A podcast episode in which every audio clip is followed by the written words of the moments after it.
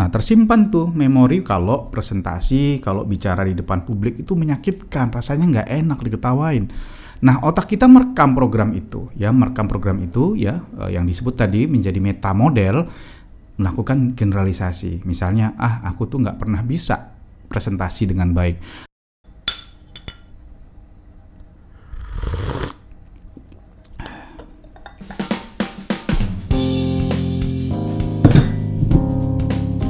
Assalamualaikum warahmatullahi wabarakatuh. Salam sejahtera untuk kita semuanya. Apa kabar teman-teman? Semoga selalu sehat dan tidak kurang suatu apa pun.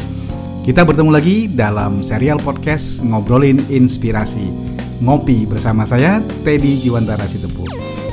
Ya, teman-teman sekalian, serial Ngopi ini saya tujukan untuk kita yang selalu mau terus berkembang, eh, membuka mindset, mencari potensi-potensi diri yang lebih baru lagi dan lebih berkembang lagi untuk mencapai potensi terbaik dari diri kita masing-masing. Ya, teman-teman sekalian, di podcast ini kita akan banyak membahas berbagai teori, tips, konsep, dan praktek-praktek pengembangan diri dari Khasana Neuro Linguistic Programming atau NLP.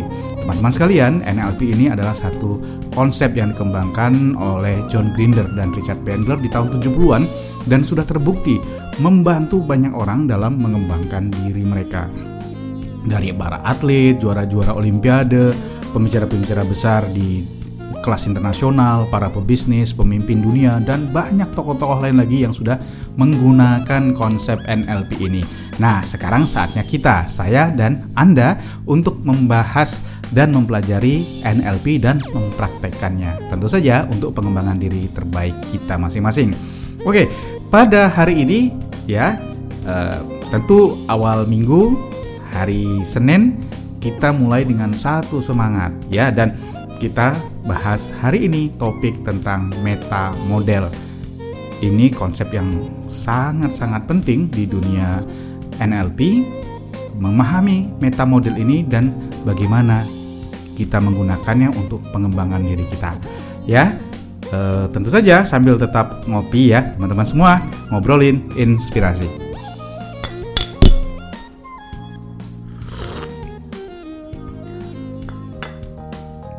Nah, oke, okay.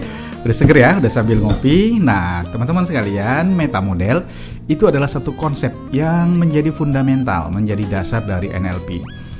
Uh, eh, awalnya konsep ini ditemukan ya oleh Richard Bandler dan John Grinder bahwa ada satu proses di otak manusia yang tidak lengkap dalam menyimpan informasi. Ya, maksudnya jadi tidak semua informasi yang masuk ke dalam otak kita itu disimpan, diproses dan nanti kalau kita pakai kita bisa proses dengan sempurna. Ternyata ada beberapa hal yang dilakukan proses otomatisasi nih oleh otak kita. Jadi uh, misalnya begini, waktu kita masih kecil kita main-main api nih ya, main korek api atau main uh, apa itu uh, pemantik ya. Terus apinya keluar kita pegang panas, waduh panas nih. Nah otak kita mulai mengenal tuh waktu kita masih kecil, oh api panas. Nanti udah agak gede kita mungkin sedang main api unggun atau sedang membuat obor dari kayu terus kita terkena api dan otak kita menandai lagi, oh panas. Nah karena ada proses yang berulang, maka otak kita kemudian menyimpulkan, oh api itu panas, hati-hati. Nah, itulah yang menjadi salah satu contoh meta model yang sederhana, yaitu melakukan generalisasi, ya generalisasi.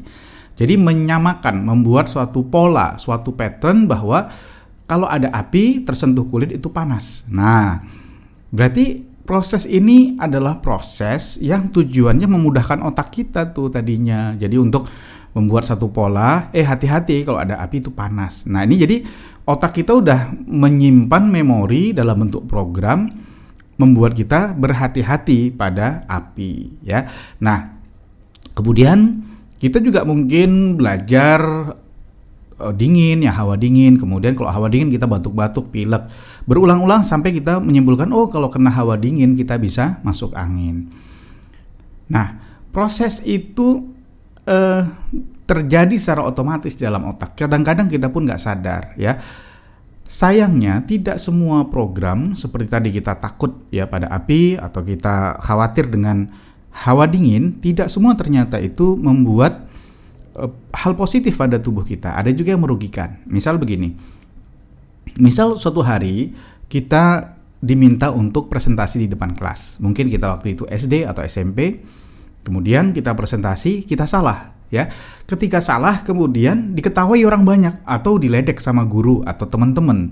Nah, saat itu kita merasa nggak enak, nggak nyaman, malu kalau diledek, malu kalau kita itu uh, tidak baik tampilnya di, di depan orang banyak sekali. Nah, mungkin dua kali begitu lagi. Minggu depan atau bulan depan dapat tugas ketika kita salah atau kita kelihatan grogi diketawain orang banyak. Nah, tersimpan tuh memori kalau presentasi, kalau bicara di depan publik itu menyakitkan, rasanya nggak enak diketawain. Nah, otak kita merekam program itu, ya, merekam program itu, ya, eh, yang disebut tadi menjadi meta model, melakukan generalisasi. Misalnya, ah, aku tuh nggak pernah bisa presentasi dengan baik. Ah, aku tuh kalau ngomong depan publik selalu salah. Nah, itu meta model yang yang sering terjadi. Nah, tentu saja ini nggak ada urusannya sama kita seperti tadi takut sama api itu menghindarkan kita dari bahaya api. Tapi kalau takut bicara di depan publik, di depan umum, nah ini kan ber berbahaya nih buat kita. Tidak positif buat kita, merugikan kita ya, membuat karir kita jadi terhambat. Nah, itu contoh model generalisasi. Ada lagi model generalisasi tadi ya, sama oh, semua orang tidak ada yang suka sama saya. Nah, padahal yang nggak suka mungkin satu dua orang saja gitu ya. Yang ngetawain kita tuh tadinya mungkin dua tiga orang, terus yang lain ikut ikutan, tapi nggak semua orang nggak suka sama anda uh, saya itu kalau ketemu orang uh, suka grogi saya itu nggak bisa bicara dengan orang semua orang baru nah kata-kata orang baru semua orang baru itu melekat di diri kita sebagai kepercayaan menjadi suatu belief bahwa kita nggak bisa kenalan dengan orang lain nah ini bahaya bahaya banget kita jadi terhambat potensinya karena kita tidak bisa berkenalan dengan orang lain nah ada lagi meta model selain generalisasi, ada lagi yang disebut dengan distorsi. Ya, meta model distorsi ini adalah meta model yang menyalahartikan, membuat arti jadi bias. Misalnya gini, kita ketemu dengan orang, apakah ya kalau yang sudah berpasangan, misalnya sudah berkeluarga, sering nih terjadi. Kita pulang, suami atau istri kita sedang sibuk atau sedang kurang enak badan ketika kita salam, Assalamualaikum atau selamat malam, saya pulang gitu ya Kemudian dia nggak menjawab dengan seperti biasanya, tidak menjawab dengan kemesraan yang kita harapkan. Kemudian kita tiba-tiba mengatakan, ah dia nggak perhatian lagi pada saya gitu. Nah ini distorsi makna, ya distorsi makna yang harusnya kita tidak perlu menyimpulkan bahwa dia tidak perhatian pada saya. Ah dia cuek sama saya, dia nggak lagi cinta sama saya misalnya. Nah ini salah satu bentuk meta model yang namanya distorsi. Ya, meta model distorsi. Ini juga tidak baik nih kalau kita simpan lama-lama tanpa kita carikan jawabannya. Bisa-bisa kita menganggap sesuatu yang belum terbukti, belum benar sudah menjadi kebenaran di otak kita. Ya. Nah, ini uh, sama dengan generalisasi tadi ya bahwa otak kita menganggapnya sebagai kebenaran gitu. Nah, ini yang bahaya.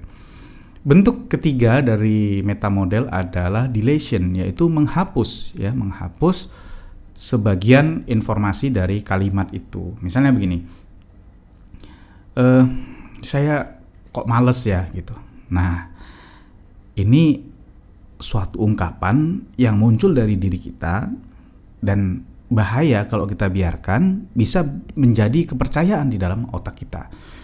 Saya malas itu mungkin hari ini tidak enak badan sehingga badan saya uh, kurang bersemangat. Tapi kemudian dibungkus dengan kata-kata saya malas. Itu menjadi sifat, menjadi suatu uh, fakta yang sehari-harinya begitu. Padahal enggak kan, padahal mungkin hari, hanya hari itu saja kebetulan kita tidak sehat sehingga kita menyebutnya malas. Nah, tentu ini nggak baik kalau kita simpan di dalam kepala kita kepercayaan bahwa kita malas. Bentuk delation yang lain misalnya adalah uh, mengungkapkan sesuatu yang tidak jelas sumbernya. Misalnya begini, ah udahlah nggak usah dagang, dagang itu susah gitu. Nah, itu kata-kata yang mungkin muncul dari pengalaman selama ini yang kemudian menyimpulkan dagang itu susah. Nah, kata siapa? Kata Anda atau ada orang yang sudah membuat fakta, membuat uh, penelitian kemudian ada faktanya dan mengatakan bahwa dagang berdagang itu sulit. Ya, termasuk juga dalam meta model ini adalah kata kerja yang nggak jelas. Misalnya begini, dia menyakiti saya. Hmm, menyakiti bagaimana ya sebenarnya gitu? Apakah e, karena tidak ingat waktu ulang tahun, tanggal hari ulang tahun, kemudian itu menyakiti? Ya, e, apakah menyakiti itu yang disebut dengan memukul atau menyakiti dengan kata-kata atau dengan bagaimana tepatnya menyakiti? Nah, sering kali juga kita mengungkapkan atau orang lain mengungkapkan kata-kata dia menyakiti saya itu untuk sekedar mengungkapkan emosi isi hatinya saja e, tidak menjelaskan menyakitinya itu apa tepatnya. Dan ini tentu juga berbahaya kalau masuk ke dalam pemikiran kita dan kita mempercayainya sebagai suatu kenyataan tanpa kita cek terlebih dahulu menyakitinya itu sebenarnya adalah bentuk apa. Ya jadi meta model ini baik yang generalisasi distorsi maupun dilation ya ini sangat tidak baik ya kalau boleh saya bilang sebenarnya sangat berbahaya untuk kita percayai tanpa kita kemudian gali informasi lebih lanjut dan kita cari kebenarannya seperti apa sebenarnya fakta yang terjadi. Sayangnya sering kali dalam pembicaraan sehari-hari meta model ini kita nggak deteksi. Kita tidak paham bahwa itu adalah bagian dari meta model yang baik oleh pembicaranya atau kita yang mendengarnya tidak kita tandai, tidak kita kenali. Dan kita terima begitu saja bahwa ucapan itu menjadi suatu kebenaran. Meta model ini bisa datang dari orang lain yang berbicara pada kita, ya, jadi orang yang misalnya ngomongin tentang masalah dia atau dia sedang uh, bercerita tentang problem yang dihadapi, atau meta model ini datang dari kita sendiri ketika kita berbicara dalam hati atau self talk atau kita berbicara pada orang lain. Ya, ini eh, yang sering terjadi yaitu kita menggunakan pola bahasa meta model ini. Nah, jadi sekarang teman-teman sekalian sudah paham nih bahwa ketika ada kalimat-kalimat yang seperti itu ya, tadi semuanya tidak pernah ya uh, tidak ada satu orang pun ya, selalu. Nah, ini kata-kata meta model generalisasi atau meta model yang mendistorsi makna. Dia itu tidak cinta lagi pada saya, dia itu menyakiti saya gitu. Atau model delation ya, saya malas, kamu malas, kamu nggak baik. Ini produk yang paling hebat ya, kata orang bisnis itu susah. Nah, ini yang kalimat-kalimat yang nggak jelas kita sudah bisa kenali. Nah, pertanyaannya, kalau sudah bisa kita kenali, bagaimana mengatasinya? Ya, apa yang harus dilakukan kalau kita mendengar seseorang mengatakan kalimat dengan meta model ini? Atau kalau kita sendiri yang berbicara dalam hati maupun dalam ucapan, apa yang harus kita lakukan untuk menetralisir atau mengatasi meta model yang ada di kepala kita ini? Ya. Kita bisa bahas lebih lanjut tentu di podcast berikutnya. Jangan ketinggalan mengikuti podcast ngobrol inspirasi bersama saya Teddy Sitepu di episode-episode berikutnya. Nah, teman-teman sekalian yang mau belajar NLP ini untuk mengembangkan dirinya, mengatasi problem-problem dirinya, atau untuk membantu orang lain, teman, saudara, siapa pun yang Anda cintai untuk bisa menjadi lebih baik lagi, saya ngadain program Better Life Project nih namanya trainingnya atau workshopnya. Di training ini kita lakukan secara online selama masa pandemi akan ada beberapa materi yang akan kita deliver satu materi satu hari ya programnya akan berkisar 5 sampai 7 hari yang akan di deliver satu materi satu kemudian eh, langsung dilengkapi dengan latihan. Jadi teman-teman nanti bisa ikut latihan di dalam sesi itu untuk mempraktekkan apa yang sudah kita pelajari. Kemudian nanti teman-teman bisa juga sharing melalui Facebook group yang kita buat secara private untuk sharing permasalahan, untuk uh, menceritakan problem atau men, uh, untuk menanyakan lebih lanjut tentang materi-materi di dalam program training online tersebut. Nah, kalau teman-teman berminat, boleh langsung klik di link yang saya siapkan di bawah ini ya di teddy.sitepu slash better life project. Nah, ada linknya di bawah, teman-teman tinggal klik aja link itu. Jadi, hari ini kita sudah paham tentang meta model dan di pertemuan yang akan datang kita akan bahas bagaimana mengatasi meta model ini lebih lanjut. Oke, teman-teman jangan lupa untuk tetap bahagia dan jangan lupa tetap ngopi supaya lebih semangat. Sampai ketemu lagi di sesi podcast ngobrolin inspirasi bersama saya Teddy Sitepu. Sampai ketemu. Assalamualaikum warahmatullahi wabarakatuh.